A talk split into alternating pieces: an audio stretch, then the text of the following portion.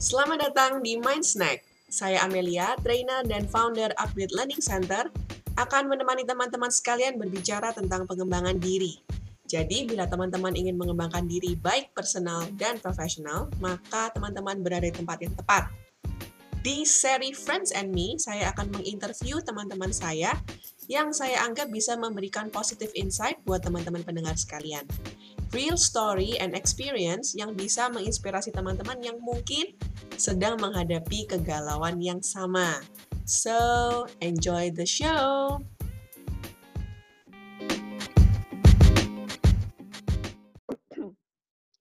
Uh, halo semuanya, selamat datang lagi uh, di video, podcast, atau di mana pun teman-teman bisa mendengarkan uh, siaran hari ini. Hari ini upgrade saya Melia ketemu dengan seorang rekan, bukan hanya rekan tapi buat upgrade sendiri ini adalah seperti mentor dan bahkan saudara, uh, family. Miss Eva Sidabutar. Hai Miss Eva. Halo. Apa kabarnya Miss Eva?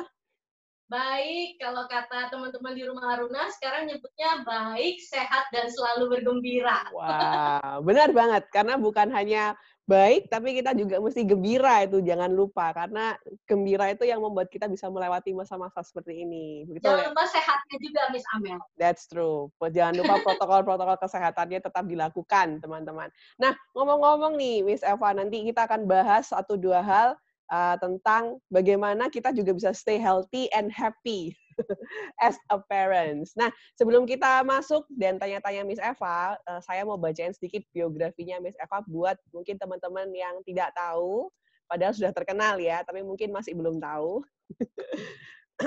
Siapa Miss Eva ini? Miss Eva adalah uh, seorang guru, kepala sekolah, uh, bahkan juga pemilik, mengajar di dunia pendidikan sudah uh, lebih dari 20 tahun uh, diploma Montessori juga, master pendidikan, dan sampai hari ini mengembangkan Aruna School Development Consultant yang berfokus dan dalam inisiatif pengembangan sekolah dan pengembangan profesional untuk guru dan pemimpin sekolah. Setahun setelah mengembangkan rumah, setahun setelah dia mengembangkan uh, Aruna School Development Consultant, sekarang juga mengembangkan Rumah Aruna, yaitu pusat pendidikan anak usia dini yang membawa semangat kemitraan orang tua dengan sekolah yang menyediakan layanan pendidikan yang berpihak kepada anak. Wah, jadi motonya Aruna ini sesuatu banget buat saya.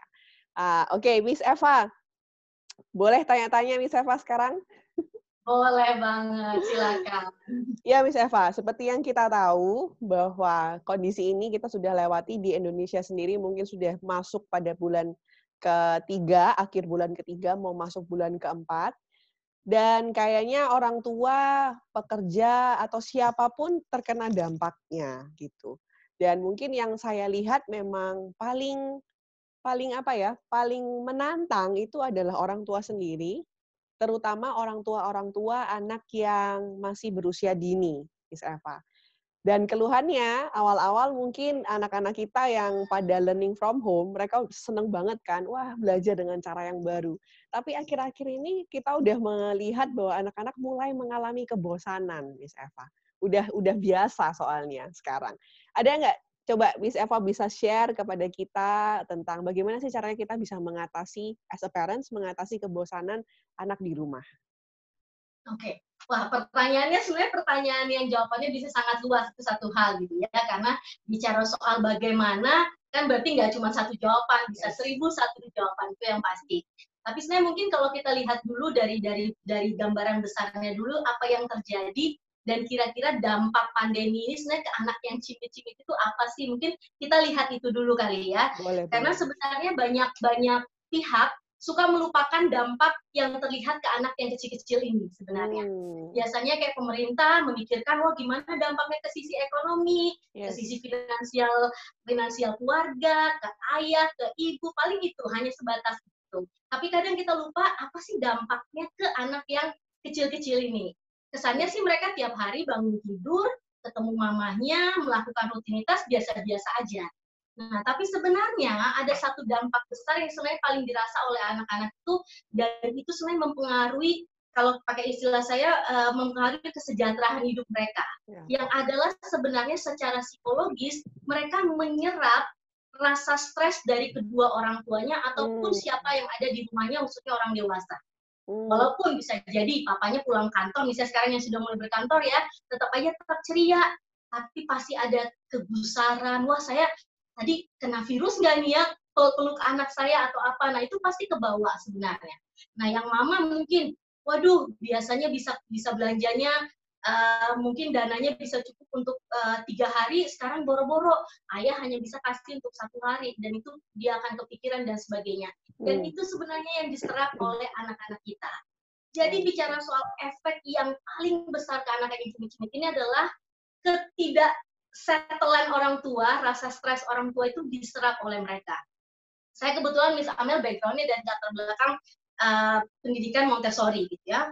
Montessori bilang bahwa kalau bicara soal lingkungan anak nih, ada yang namanya lingkungan fisik, ada yang namanya lingkungan psikologis. Nah, yang lingkungan psikologis ini kata Montessori harus kita manage, harus kita atur dulu sebelum kita ngatur lingkungan fisik. Nah, kalau sekarang anak-anak diajarin, pemerintah minta anak-anak mulai diajarin pakai masker, pakai face shield, cuci tangan, dan sebagainya. Nah, itu sebenarnya rutinitas-rutinitas yang mengarah ke perlengkapan fisiknya. Nah, tetapi yang psikologisnya ini yang belum dimanage oleh orang tua. Nah, jadi kalau tadi pertanyaannya gimana sih cara untuk buat biar anak nggak bosan dan sebagainya, kalau kita tarik mundur nih sisi yang paling atas, yang terlebih dahulu adalah memastikan self welfare anak di tengah situasi ini mereka supaya tidak terpengaruh oleh stressful dari luar, khususnya orang tuanya. Jadi poin hmm. pertama saya sih sebenarnya itu Miss Amel, jadi yeah, yeah, yeah. yang lebih teknis gitu ya, cara itu dulu, hal yang sering dilupakan. Benar banget ya, kita memikirkan ekonomi, kemudian ini dan itu gitu. Kita lupa bahwa sebagai orang tua pada saat kita masuk ke rumah, itu kita juga bisa mempengaruhi anak-anak yang ada di sekitar kita, terutama anak-anak yang uh, usianya masih masih kecil gitu ya. Benar orang uh, bukan berarti mereka nggak stres ya, mereka justru menyerap apa yang kita katakan, perlakuan kita, bahkan pemikiran-pemikiran kita yang yang kita kepikiran dan lain-lain itu juga bisa diterima sama anak-anak.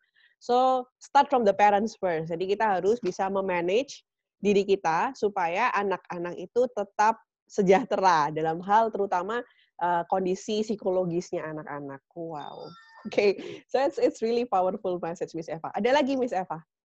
Nah, bicara soal di tataran tadi psikologis itu sekarang sih sebenarnya beredar banyak metode-metode sih kalau hanya bicara dari tataran orang tuanya. Misalnya ada metode-metode yoga, kemudian metode uh, meditasi dan sebagainya itu bisa diikuti sebenarnya. Itu kan hanya metode. Tapi yes. satu hal sih sebenarnya kalau bicara soal yang psikologis tadi itu uh, yang perlu dilakukan orang tua sebenarnya adalah mengembalikan trust gitu.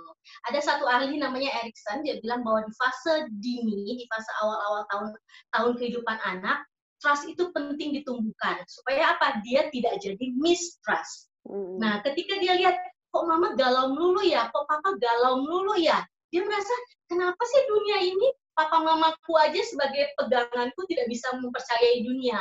Berarti nanti akan merasa dunia ini aman gak sih buatku? Nah, yang muncul saat ini adalah mistrust. Nah, PR pertama orang tua dari sisi psikologis tadi adalah mengembalikan trust. Nah, kalau teknisnya bisa macam-macam, misalnya ketika bertemu dengan anak, bacain cerita-cerita yang menenangkan, tetap jaga rutinitas-rutinitas yang seru, uh, ajak keluar dengan batasan-batasan tertentu pastinya. Jadi dipastikan bahwa situasi rumah itu tetap menjadi situasi yang aman secara psikologis. Itu sih ya. Hmm, oke oke okay, Miss Eva. Benar banget ya dari tahapan perkembangan sosial emosionalnya anak-anak usia dini, mereka sedang uh, belajar dan mempercayai lingkungannya gitu ya, mempercayai orang-orang di sekitarnya.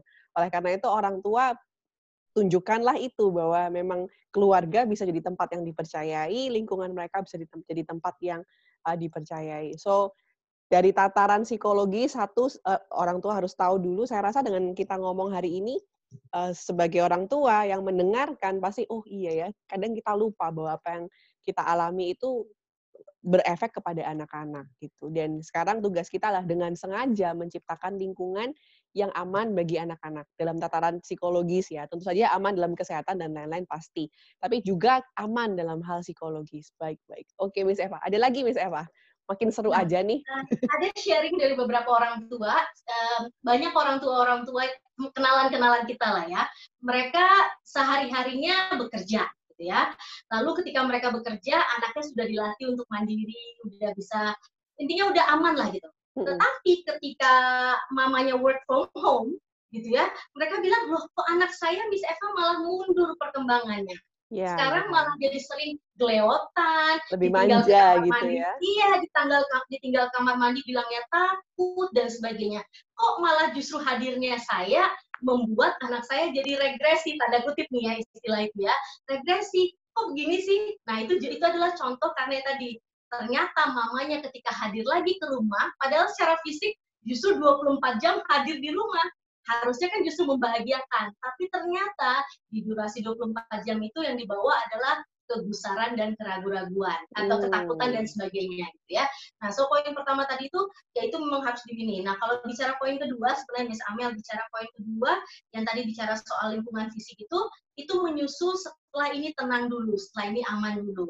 Nah, caranya untuk orang tua tahu apakah anaknya sudah tenang, udah cocok, udah siap untuk kayak diajak belajar lagi dan sebagainya, sebenarnya bisa dilihat dengan observasi. Kalau hmm. anaknya dirasa masih kayak gelayutan dan sebagainya, ya udah jangan dulu. Itu kan ciri-ciri bahwa anaknya lagi lagi besar juga sebenarnya kan ya, gitu ya. Jadi penuhi dulu aspek psikologis. Nah, anggaplah ceritanya aspek psikologisnya udah beres nih, udah aman, sudah sudah anaknya sudah terbiasa dengan pola adanya pandemi, sudah lebih bisa nerima bahwa di luar ada virus dan sebagainya mungkin ya, sudah mulai terbiasa lah anggaplah itu. Nah, di saat itulah orang tua sebenarnya bisa mulai beralih mempersiapkan lingkungan fisik ini. Nah, hmm. kalau pakai pakai istilah di Montessori lah ini ya, hmm. Montessori itu kita mengenal ada namanya the prepared environment. Nah, lingkungan fisik ini harus kita persiapkan kalau kata Montessori memang secara teknis kalau di Montessori itu ada yang namanya rak, alas kerja, dan sebagainya. Tapi terlepas dari urusan Montessori lah ini ya, sebenarnya ketika kita menyiapkan lingkungan fisik, ada satu hal paling besar yang perlu diperhatikan, yang adalah keteraturan. Ah. Montessori itu bilang gini, ya, ya, anak-anak itu walaupun petakilan lari sana sini katanya gitu ya, tapi mereka sebenarnya senang dengan yang namanya keteraturan mereka tuh punya sensitivity to order. Mm-hmm. Kenapa mereka senang dengan keteraturan? Kenapa sih sebenarnya anak-anak itu butuh keteraturan? Karena kalau dia teratur, kalau lingkungannya teratur, kalau rutinitas dia teratur, dia lebih percaya diri menghadapi lingkungan. Mm-hmm. Misalnya nih, misalnya hari ini dia bangun, oh uh, ternyata gelas minumnya ada di sebelah kiri tempat tidur misalnya. Dia lakukan itu mungkin dia udah terbiasa oh gelas minuman saya di sebelah kiri tempat tidur. Tapi tiba-tiba mamanya lupa. Hari ini kebetulan kemarin malam gelasnya dipindah karena mungkin ada tumpahan atau apa. Wah anak itu bisa meraung meraung mana gelasku? Nangis. Wah padahal hanya masalah gelas. Yeah. nah saya yang tidak paham bahwa adanya sensitivity order merasa biasa aja dong nak kok hanya karena gelas gitu kesannya gitu Padahal itu adalah bukti bahwa perubahan sedikit pun bisa membuat mereka jadi kayak apa nih lingkungan kok beda. Nah, rasa kembali trust tadi rasa aman jadi nggak ada. Nah, jadi poin pertama kalau mau bicara soal lingkungan fisik, yang pasti harus kita persiapkan adalah keteraturan. Entah itu hmm. keteraturan jam rutinitas rutinitas harian mereka nih misalnya jam sekitar jam 10 itu uh, main ke taman, sekitar jam 12 makan siang dan sebagainya itu penting untuk dilakukan. Nah, termasuk ketika orang tua nih tadinya bekerja nih misalnya, sekarang dua-duanya kembali ke rumah. Nah, pasti ada setting-setting keluarga yang berubah kan misalnya ya. tadinya ruangan ruangan ini bisa buat main bersama, tapi sekarang karena ayahnya work from home, jadinya ruangan ini dipakai buat ayahnya bekerja. Nah, itu penting untuk dilatih ke anak. Jadi bicara soal pandemi ini, settingan fisik yang melibatkan hal-hal yang tadi itu, contohnya kehadiran ayah, butuh ruangan kerja dan sebagainya itu penting untuk persiapan. Gitu. Hmm. Nah, ini salah satu contoh keteraturan yang uh, bicara soal fisik tadi sih misalnya. Gitu. I see, oke. Okay. So berangkat dari psikologis, uh, terutama psikologisnya orang tua juga, terus kemudian uh, sehingga kita bisa memberikan lingkungan psikologis yang aman buat anak kemudian kita bisa baru beranjak ke lingkungan fisik. Karena kalau lingkungan fisik disiapkan sekalipun, tapi anak tidak merasa aman secara psikologis, ya kemungkinan akan gelayutan, kayak tadi itu ya. Iya, betul. Ke mana-mana sama orang tuanya. Karena memang secara fisik orang tua hadir, tapi mungkin secara emosional dan secara psikis itu orang tuanya udah kalut dengan kegalauan-kegalauannya dia sendiri gitu ya. sehingga nggak secara psikis itu memberikan trust kepada anak-anak. Oke, okay. dan poinnya so simple but so powerful, Miss Eva, hanya dengan keteraturan. Kita kadang nggak tahu kalau keteraturan itu ternyata begitu penting buat anak-anak usia dini keteraturan bukan hanya ngomong soal peletakan barang-barang atau secara fisik, tetapi juga keteraturan dalam hal rutinitas gitu ya. Oke, oke. Alright. Sudah sudah mengatur secara psikis, sudah mulai mengatur secara habit. Is there anything lagi Miss Eva yang kita bisa lakukan sebagai orang tua? Nah, ini gambaran lagi, gambaran dulu ya, misalnya, misalnya yeah. sekarang kan ada uh, anggaplah anak-anak yang sudah masuk TK, udah udah usia usia sekolah lah gitu ya. Uh, mereka kan awalnya bersekolah. Keteraturan hmm. hidup mereka adalah jam jam 9, uh, jam hmm. 8 berangkat ke sekolah, jam 9 sampai jam 12 let's say berada di sekolah gitu kan ya. Nah, ternyata sekarang dengan adanya pandemi itu itu kan berubah gitu ya. Tadinya mereka jam 9, eh, jam 8 itu udah pakai baju sekolah, sudah pakai sepatu, udah pakai topi, udah siap jalan. Nah, tapi berubah.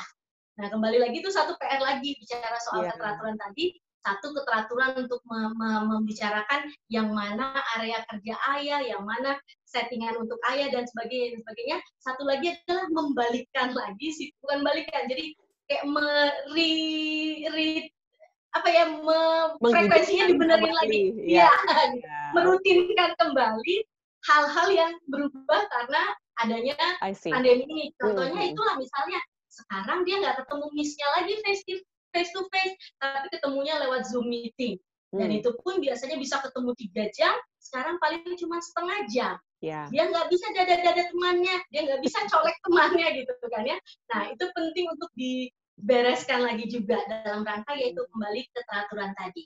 Yeah. Nah, saran saya sih buat sekolah-sekolah, misalnya nanti nih ada yang menonton dari pihak sekolah. Satu sisi adalah penting untuk nanti ketika kita melakukan learning from home, menyiapkan paket-paket pembelajaran dari rumah itu, satu sisi adalah jadikan rutinitas yang bagus yang bisa diserap buat anak. Misalnya bahwa nanti setiap jam 10 itu ada ada kegiatan Zoom meeting, Zoom circle time lah, let's say Zoom circle time dengan orang eh, dengan anak. Nah, ketika Zoom circle time ini eh, penting untuk misalnya tampilan gurunya, cara menyapa gurunya, anak-anak um, diajak untuk menyepakati cara duduk, cara dada-dada, cara say oke okay, dan sebagainya itu penting untuk dilatih dulu. Ketimbang langsung membombardir anak dengan satu tontonan visual yang hmm. kesannya itu circle time, tapi tuh mereka bingung gitu. Ya, jadi ya. banyak hal yang harus dilihat dari segi itu mengembalikan keteraturan tadi itu. Betul. Jadi biarpun kita ber, justru karena kita mungkin berpindah metode, kita mesti juga set caranya lagi gitu ya. Ya, yeah, let's say it's part like a classroom management sebenarnya, setting the routine buat anak-anak. Kalau pakai Zoom, itu caranya bagaimana, kalau mau jawab gimana, kalau mau yeah. ngomong gurunya gimana gitu ya. So harus diatur juga gitu. Jadi bukan hanya tapi saya dapat banget sih idenya. Pengaturannya itu tadi Miss Eva berangkat dari sisi psikologis, kemudian makin meruncing, makin kecil skupnya ke lingkungan fisik, ke habit, bahkan dalam habit pun itu uh, rutinnya juga harus ditata seperti itu ya. Oh, it, it means it's also a big homework from for the parents. Dan PR-nya bukan cuma dari segi orang tua sebenarnya ternyata hmm. dari segi misalnya ketika anaknya sudah bersekolah, Nah, itu juga pengaruh. Nah, ini bicara sekolah ini kan variasi sekolah macam-macam ya yeah. kalau di anak usia dini. Ada yang memang dia bersekolah misalnya di PAUD, di preschool, di kindergarten seperti itu, atau ada yang dia dimasukkan ke daycare, gitu ya. Hmm. Nah, ini isunya bisa beda lagi kan.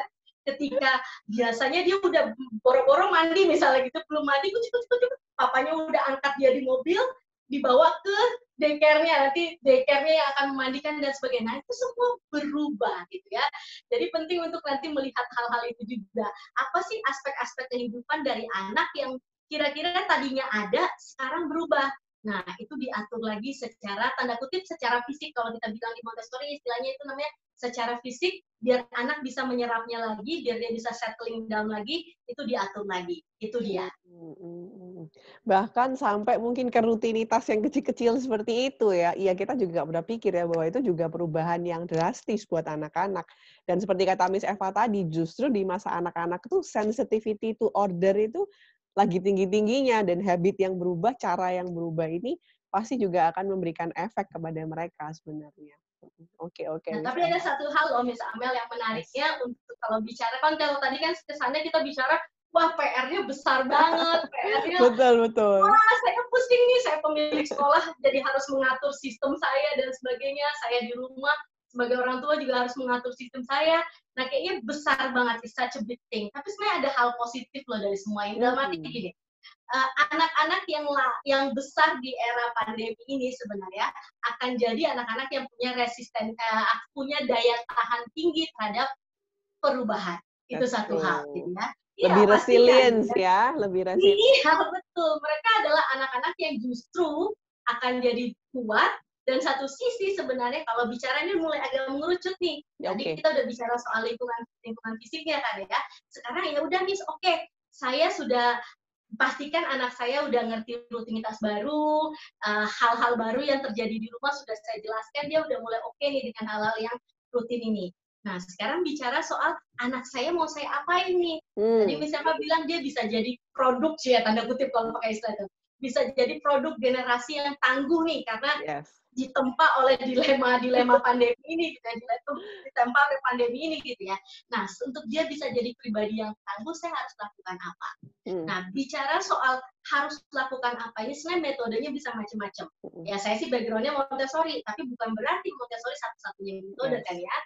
Nah, tapi kalau mau cari benang merahnya sebenarnya, di situasi ini untuk bisa anak kita jadi pribadi yang tangguh ini sebenarnya jadikanlah mereka pribadi yang pemikir kalau pakai istilah saya. Hmm. ada istilah sekarang namanya higher order thinking. Yes. anak cimit-cimit itu bisa kok diajarin higher order thinking. Ajak aja mereka berpikir misalnya kakak-kakak hari ini kan nanti kita mau mau begini begini begini. Kakak mau mulai ngerjain yang mana? Jadilah orang tua yang kooperatif jadikanlah tugas-tugas anak itu kooperatif task. Ajak hmm. mereka berpikir, yuk ya udah kalau kakak mau mulai ber, bercocok tanam dulu misalnya lah ya. Kalau kakak mau mulai dengan menanam bibit kangkung yang kemarin mama beli, ya udah caranya gimana ya kira-kira? Ajak dia mendesain, berpikir kira-kira caranya gimana ya. Yeah. Arahkan semua itu dan pada akhirnya ketika dia sudah lakukan, terus nanti bisa digali. Kamu gimana perasaannya tadi waktu nanam kangkung ternyata tanahnya ada cacing ya? Kamu rasanya gimana gali semua itu. Sehingga apa? Dia jadi pribadi yang pemikir. Dia nggak cuma terima orang dewasa ngajarin dia ngajak dia main tapi dia bisa jadi pribadi yang berpikir oh iya ya kalau gitu besok dia nggak digigit eh, biar nggak di ini sama cacing aku pakai sarung tangan deh dan sebagainya jadi pribadi yang pemikir dan otomatis pasti akan jadi pribadi yang lebih tangguh dan tahu harus ngapain kalau ada perubahan-perubahan besar lagi dalam hidupnya.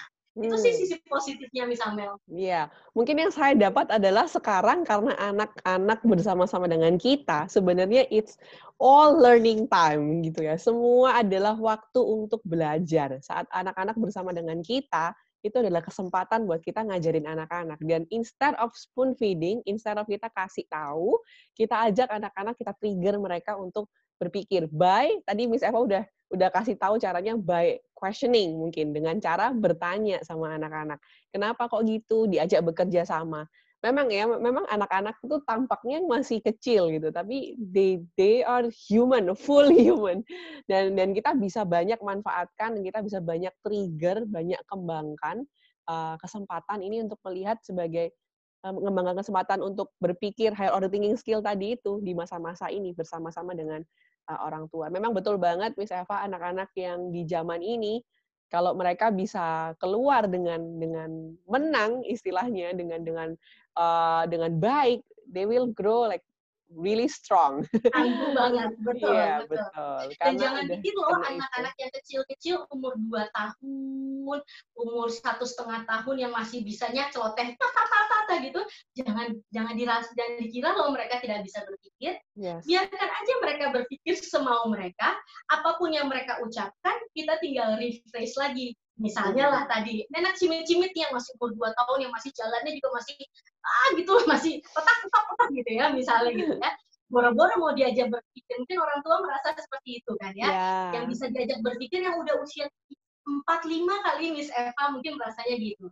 Tapi sebenarnya bisa loh, justru ketika kita mengajak mereka berpikir satu hal, mereka akan belajar, belajar banyak banget vocabulary baru. Dan Hmm. ketika mereka belajar vocabulary baru, itu kan masuk ke memorinya. Nah, itu akan menjadi semacam bank dan nanti dia bisa connecting the dots. Misalnya lah, tadi mau diajak bercocok tanam nih sama mamanya. Awalnya dia nggak tahu tuh namanya tanah. Ya kan, dia nggak tahu kata tanah. Mungkin namanya juga anak dua satu setengah tahun mungkin ya. Dia cuma, ah, ah, ah, gitu kan ya. Ah, ah, ah, ah, gitu. Nah, sama mamanya, iya Eva, misalnya anaknya Eva, iya Eva itu tanah. Tanah itu gini rasanya. Nah, masuk ke memorinya. Ana, Ana, Ana. Nanti ketemu cacing lagi, gitu kan ya. Ketemu cacing, dia, ah, dia ketakutan lihat benda makhluk seperti yang kayak cacing gitu, dia takut mungkin. Oh, Eva takut ya? Nah, tadinya dia tidak mengenal istilah takut. Dia nggak Hmm. tahu emosi takut.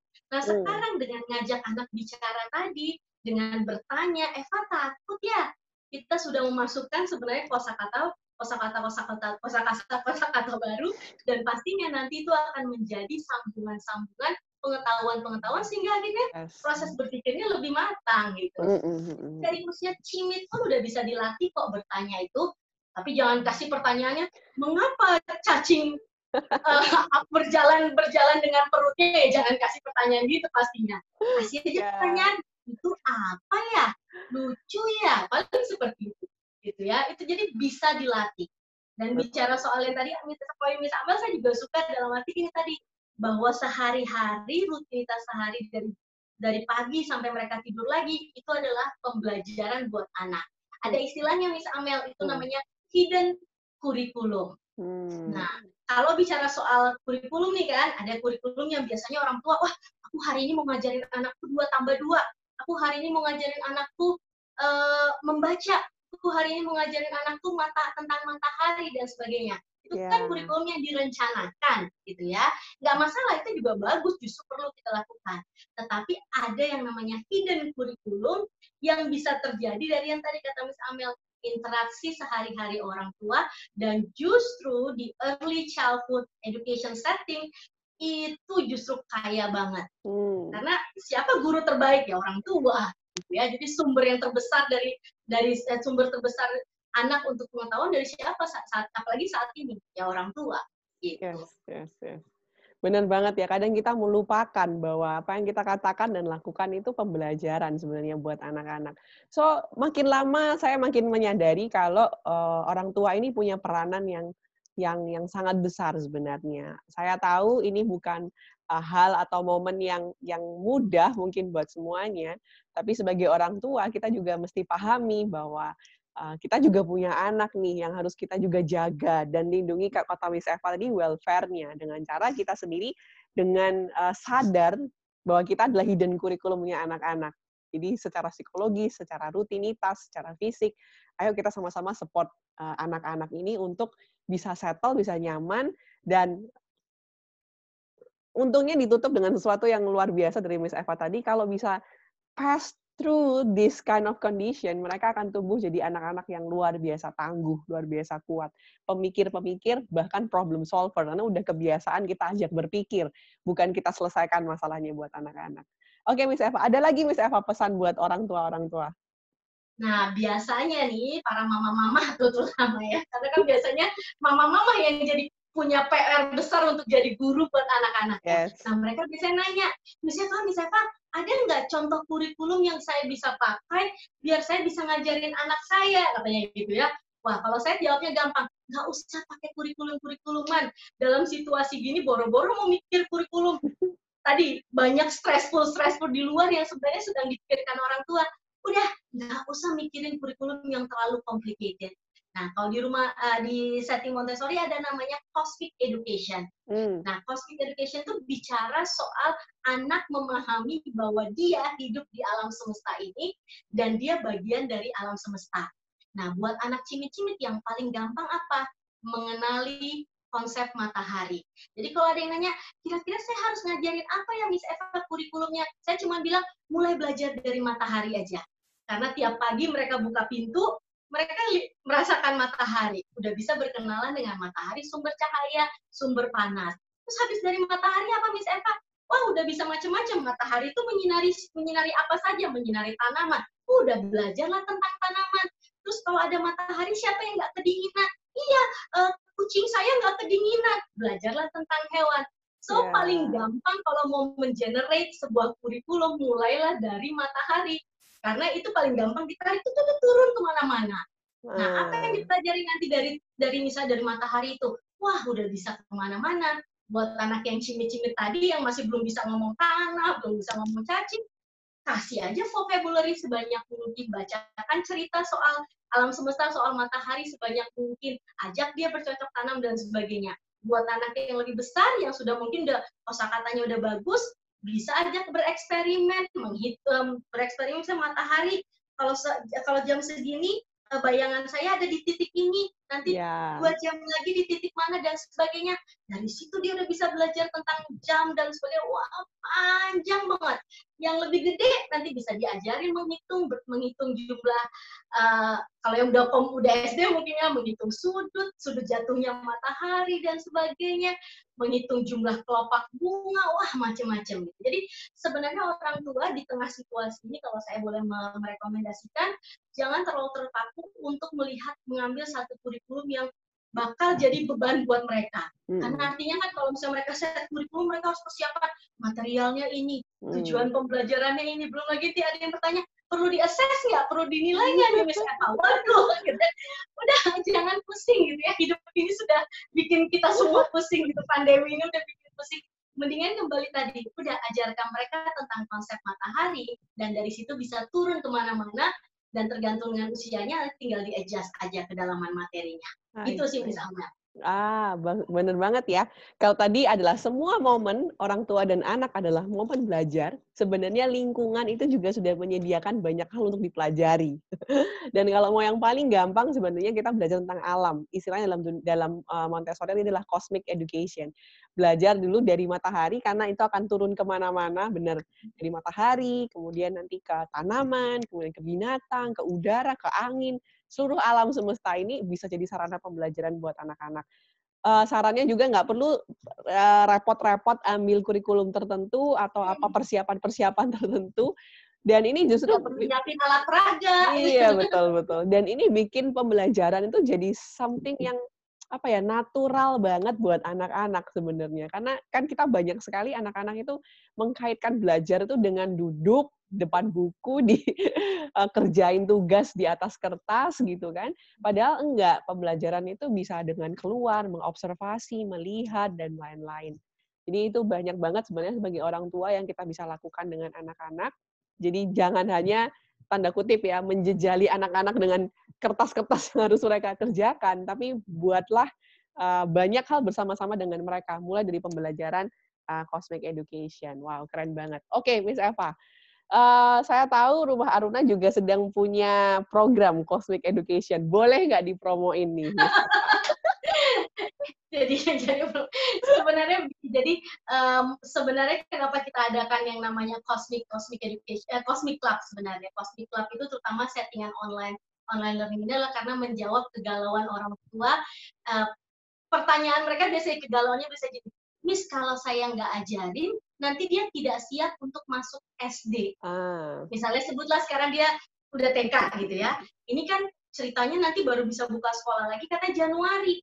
Berarti artinya dia kehilangan enam bulan tidak belajar, tanda kutip, hmm. enam hmm. bulan tidak belajar di sekolah, dan dia kehilangan momen itu takutnya nanti pas SD enam bulannya ini bolong dan dia nggak bisa catch up gitu, nggak bisa yes. mengikuti pembelajaran SD dan sebagainya. Nah, kemudian kita berpikir, ya itu kita akan bantu orang tua untuk mempersiapkan semua itu. Tapi sebenarnya apa yang ada dalam yang kita berikan di, di Cosmic Club kita itu adalah sebenarnya yang tadi urusannya dengan cosmic education tadi. Hmm. Mengajarkan kembali peran mereka di ala, adanya namanya alam semesta dan peran mereka. Tetapi perjenjang usia ada perbedaan tingkat kedalaman materi. Jadi misalnya kalau yang anak cimit-cimit ya isinya cuman ya kesannya gitu ya cuman kayak belajar panasnya matahari dan sebagainya tapi buat yang lebih gede-gede nanti mereka belajar menggunakan termometer dan sebagainya. Itu aja sih sebenarnya. Dan sebenarnya akses yang diberikan ke orang tua itu simple, jadi supaya nanti kita yang mendeliver materinya, nanti orang tua tinggal ajak anak untuk belajarnya. Jadi kira-kira hmm. meringankan mereka sih gitu sih. Yeah. Tapi sebenarnya tanpa itu pun sebenarnya bisa ambil sesederhana yang tadi saya sampaikan gitu. Tinggal ngajak anak melihat matahari, turun deh dari situ. Betul. Udah jadi sesederhana itu sebenarnya. Oke, thank you Miss Eva. Hari ini kita banyak ngomong hal-hal yang juga sifatnya filosofis dan praktis kalau menurut saya. Filosofis adalah orang tua, Anda harus tahu Anda sebagai seorang orang tua, Anda nggak hanya menemani anak-anak secara fisik, tapi sebenarnya apa pun yang Anda lakukan, pikirkan, katakan, itu adalah hidden curriculum untuk anak-anak. Baik secara psikologis maupun juga secara fisik. Apa yang kita bisa lakukan sebagai orang tua? Pertama, aware dulu dengan kondisi emosi Anda mungkin atau stres Anda bahwa itu bisa menghasilkan efek loh sama anak-anak. Yuk, dari orang tua belajar dulu untuk bahagia kayak tadi ucapan awalnya, stay healthy and stay happy juga. Karena dengan kita orang tua bahagia, anak-anak juga akan punya trust kepada orang tua, kepada lingkungan sekitar. Setelah itu bangun habit, bangun lingkungan fisik karena juga orang tua di rumah mengubah juga mengubah habit yang sehari-hari mungkin uh, selama ini kalau pagi orang tuanya bangun masak dulu gitu. Sekarang masaknya mau jam 8 jam setengah 9 nggak apa-apa karena nggak buru-buru berangkat ke kantor. Orang tua juga ada perubahan habit. Nah, perubahan habit itu juga apalagi dirasakan oleh anak-anak. Sama-sama bangun habit. Orang tua bangun habit, anak-anak juga dipersiapkan habitnya, metodenya, dan lain-lain. Yang kecil-kecil juga kita bantu bangun. Dan setelah itu, uh, ajar anak untuk berpikir, tanyain anak setiap momen ketemu dengan anak-anak adalah momen untuk belajar. Dan yang paling praktis adalah belajar dari apa yang sudah ada di sekitar kita. Cosmic Education yang paling sederhana, bisa belajar nih, buka jendela aja udah ada bahan pembelajaran. Nggak perlu beli mahal-mahal. Berarti ini juga break the myth kalau Montessori itu selalu kaitannya dengan alat-alat yang mahal. Iya, betul. Padahal secara filosofis Montessori justru uh, bisa lihat belajar dari natur, jadi dari apa alam semesta juga bisa gitu, belajar bercocok tanam dan lain-lain. Dengar-dengar Miss Eva juga bercocok tanam ya Miss Eva? Pelihara kangkung dan lele. Jadi kalau orang tua orang tua lain pada yoga dan lain, nah Miss Eva ini kayaknya bercocok tanam dan pelihara lele tadi. Bisa releasing stress juga. Oke, okay. ada pesan terakhir Miss Eva buat semua orang tua nah, atau yang mungkin betul. Sebenarnya yang paling besar dari semua ini kan tadi kalau kita lihat kita lihat payung besarnya, tapi sebenarnya ada payung yang lebih besar lagi. Wow. Okay. Payung yang lebih besar lagi itu sebenarnya bicara soal tantangan paling besar orang tua apa sih untuk mengajar anak di rumah. Kan sekarang kan peran peran guru itu kan diambil oleh orang tua sekarang gitu ya. Nah, satu hal tadi kita udah belajar jangan terbebani oleh kurikulum dan sebagainya. Ada PR terbesar orang tua dan ini stressful banget buat orang tua. Orang tua itu merasa emosinya itu diuji coba 24 jam sekarang gitu ya. Dalam arti gini, kalau dulu waktu anaknya bersekolah minimal dia ada dua jam bisa me time minimal dua jam dia bisa ke minimarket beli es krim atau minum apa gitu ya ah gitu kayaknya ada lah gitu ya tapi sekarang itu 24 jam bersama anak dan dapat satu backpack besar ini yang harus dipakai dipinggul eh, di, di ini di, diangkat dan itu adalah mengajar anak. Nah, buat orang tua orang tua yang sekarang mengambil peran sebagai pengajar, sebagai uh, sebagai guru lah tanda kutip itu untuk anak-anaknya, satu-satu pesan saya sebenarnya adalah tidak usah menjadi guru. Itu pesan terbesar saya sih sebenarnya. Jadi jangan pernah menjadi guru. Karena buat buat kita kayak kita di rumah guru itu adalah profesi. Tetapi orang tua tidak perlu memprofesikan dirinya menjadi guru karena ketika dia memprofesikan dirinya jadi guru, pasti ada beban yang tadi backpack itu ada ransel yang berat yang harus dikerjakan. Ya sudah lepaskan itu, tidak usah tanda kutip jadi profesi guru, jadilah orang tua tetapi manfaatkanlah hidden curriculum, manfaatkanlah alam untuk mengajar anak-anak Anda gitu. Nah, mungkin yang tadi ketakutannya misalnya bilang, aduh nanti yang bolong tadi nih, misalnya Mel bolong nih nanti buat SD, jangan khawatir. Ketika Montessori bilang, ketika mereka sudah punya cukup kematangan dalam dirinya, mereka tuh siap kok meng-conquer the world katanya. Tantangan apa pun mereka siap. Nah, hmm. tapi pastikan dulu higher order thinking tadi udah terbentuk. Nah, caranya kan tadi kita udah banyak sharing. Jadi sebenarnya sesederhana itu sih. Kalau bagi saya sih pesan terbesarnya gitu. Nggak usah deh jadi guru. Udah biarkan itu untukku saja kata Dilan apa ya? Jangan saya lupa jangan jangan jangan jangan sedih sedih biar aku aja gitu nah udah biarkan itu beban guru ya biarlah jadi guru gitu ya orang tua ya jadilah orang tua mengajarlah seperti orang tua gitu gunakan hidden curriculum dan sebagainya itu aja yeah. sih supaya pressure-nya bisa lebih rilis gitu betul, sih sama. Betul. Sebenarnya apa yang Miss Eva sampaikan dari awal sampai ke pesan terakhir pun itu semua satu garis benang merah sih sebenarnya bahwa memang sebagai orang tua kalau kita mengkotak-kotakan bahwa namanya belajar itu duduk, baca buku, kerjakan worksheet, itu jadi beban gitu. Yang namanya belajar itu bisa dilakukan oleh guru, itu jadi beban gitu. Tapi waktu kita menyadari posisi kita sebagai orang tua, kita pasti akan melihat oke okay, aku mau memberikan yang terbaik buat anak-anak. Melihat sebenarnya orang tua tidak tidak perlu dikotak uh, dikotak-kotakan ini guru dan ini orang tua. Orang tua apa pun yang anda kerjakan dan lakukan saat ini you are the teachers also for your kid. Anak-anak belajar juga dari anda. Anak-anak belajar uh, secara psikis secara fisik dia belajar dari dari kita sebenarnya orang tua. Thank you Miss Eva buat pesan-pesannya buat kita semua uh, sekali lagi sebelum saya tutup, kita semua menghadapi masalah yang sama. Uh, ini adalah masalah kita bersama, tetapi kita bisa tetap memilih untuk berespon dengan baik. Ayo orang tua lihat ini sebagai kesempatan untuk kita mengembangkan tadi higher order thinking skill dari anak-anak kita, mengembangkan sisi-sisi uh, yang mungkin kita belum explore dari anak-anak kita. Dan jangan lihat ini sebagai beban, lihatlah ini sebagai sebuah kesempatan untuk kita bersama-sama dengan anak-anak kita. Suatu kali nanti kalau semua kondisi sudah uh, kembali baik, kita mungkin akan cherish this moment gitu. Kita akan wah dulu ya waktu masa pandemi sama anak-anak 24 jam. Tapi waktu Anda melihat ke belakang, Anda tidak menyesal karena Anda sudah memanfaatkan uh, momen ini sebaik-baiknya untuk mendidik anak-anak yang dipercayakan kepada kita. Oke, okay. Miss Ava, thank you banget buat waktunya buat kesediaannya, buat ilmu, sama-sama, buat sharingnya. Nanti ini udah kepikir loh, Miss Eva, ide pertanyaan-pertanyaan berikutnya. Baiklah, saya siap.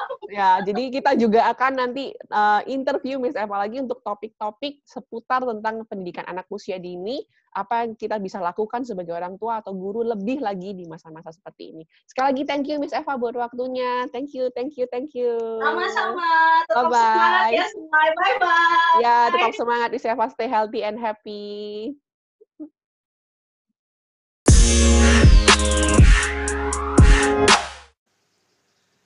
Oke, sekian episode hari ini. Saya harap kita bisa mempraktekkan bersama apa yang telah kita dengar. Bila teman-teman merasa channel ini memberikan kontribusi positif, silakan follow dan sebarkan ke teman-teman yang lainnya. Bersama-sama kita belajar, bersama-sama kita menjadi versi terbaik dari diri kita sendiri. Saya Amelia.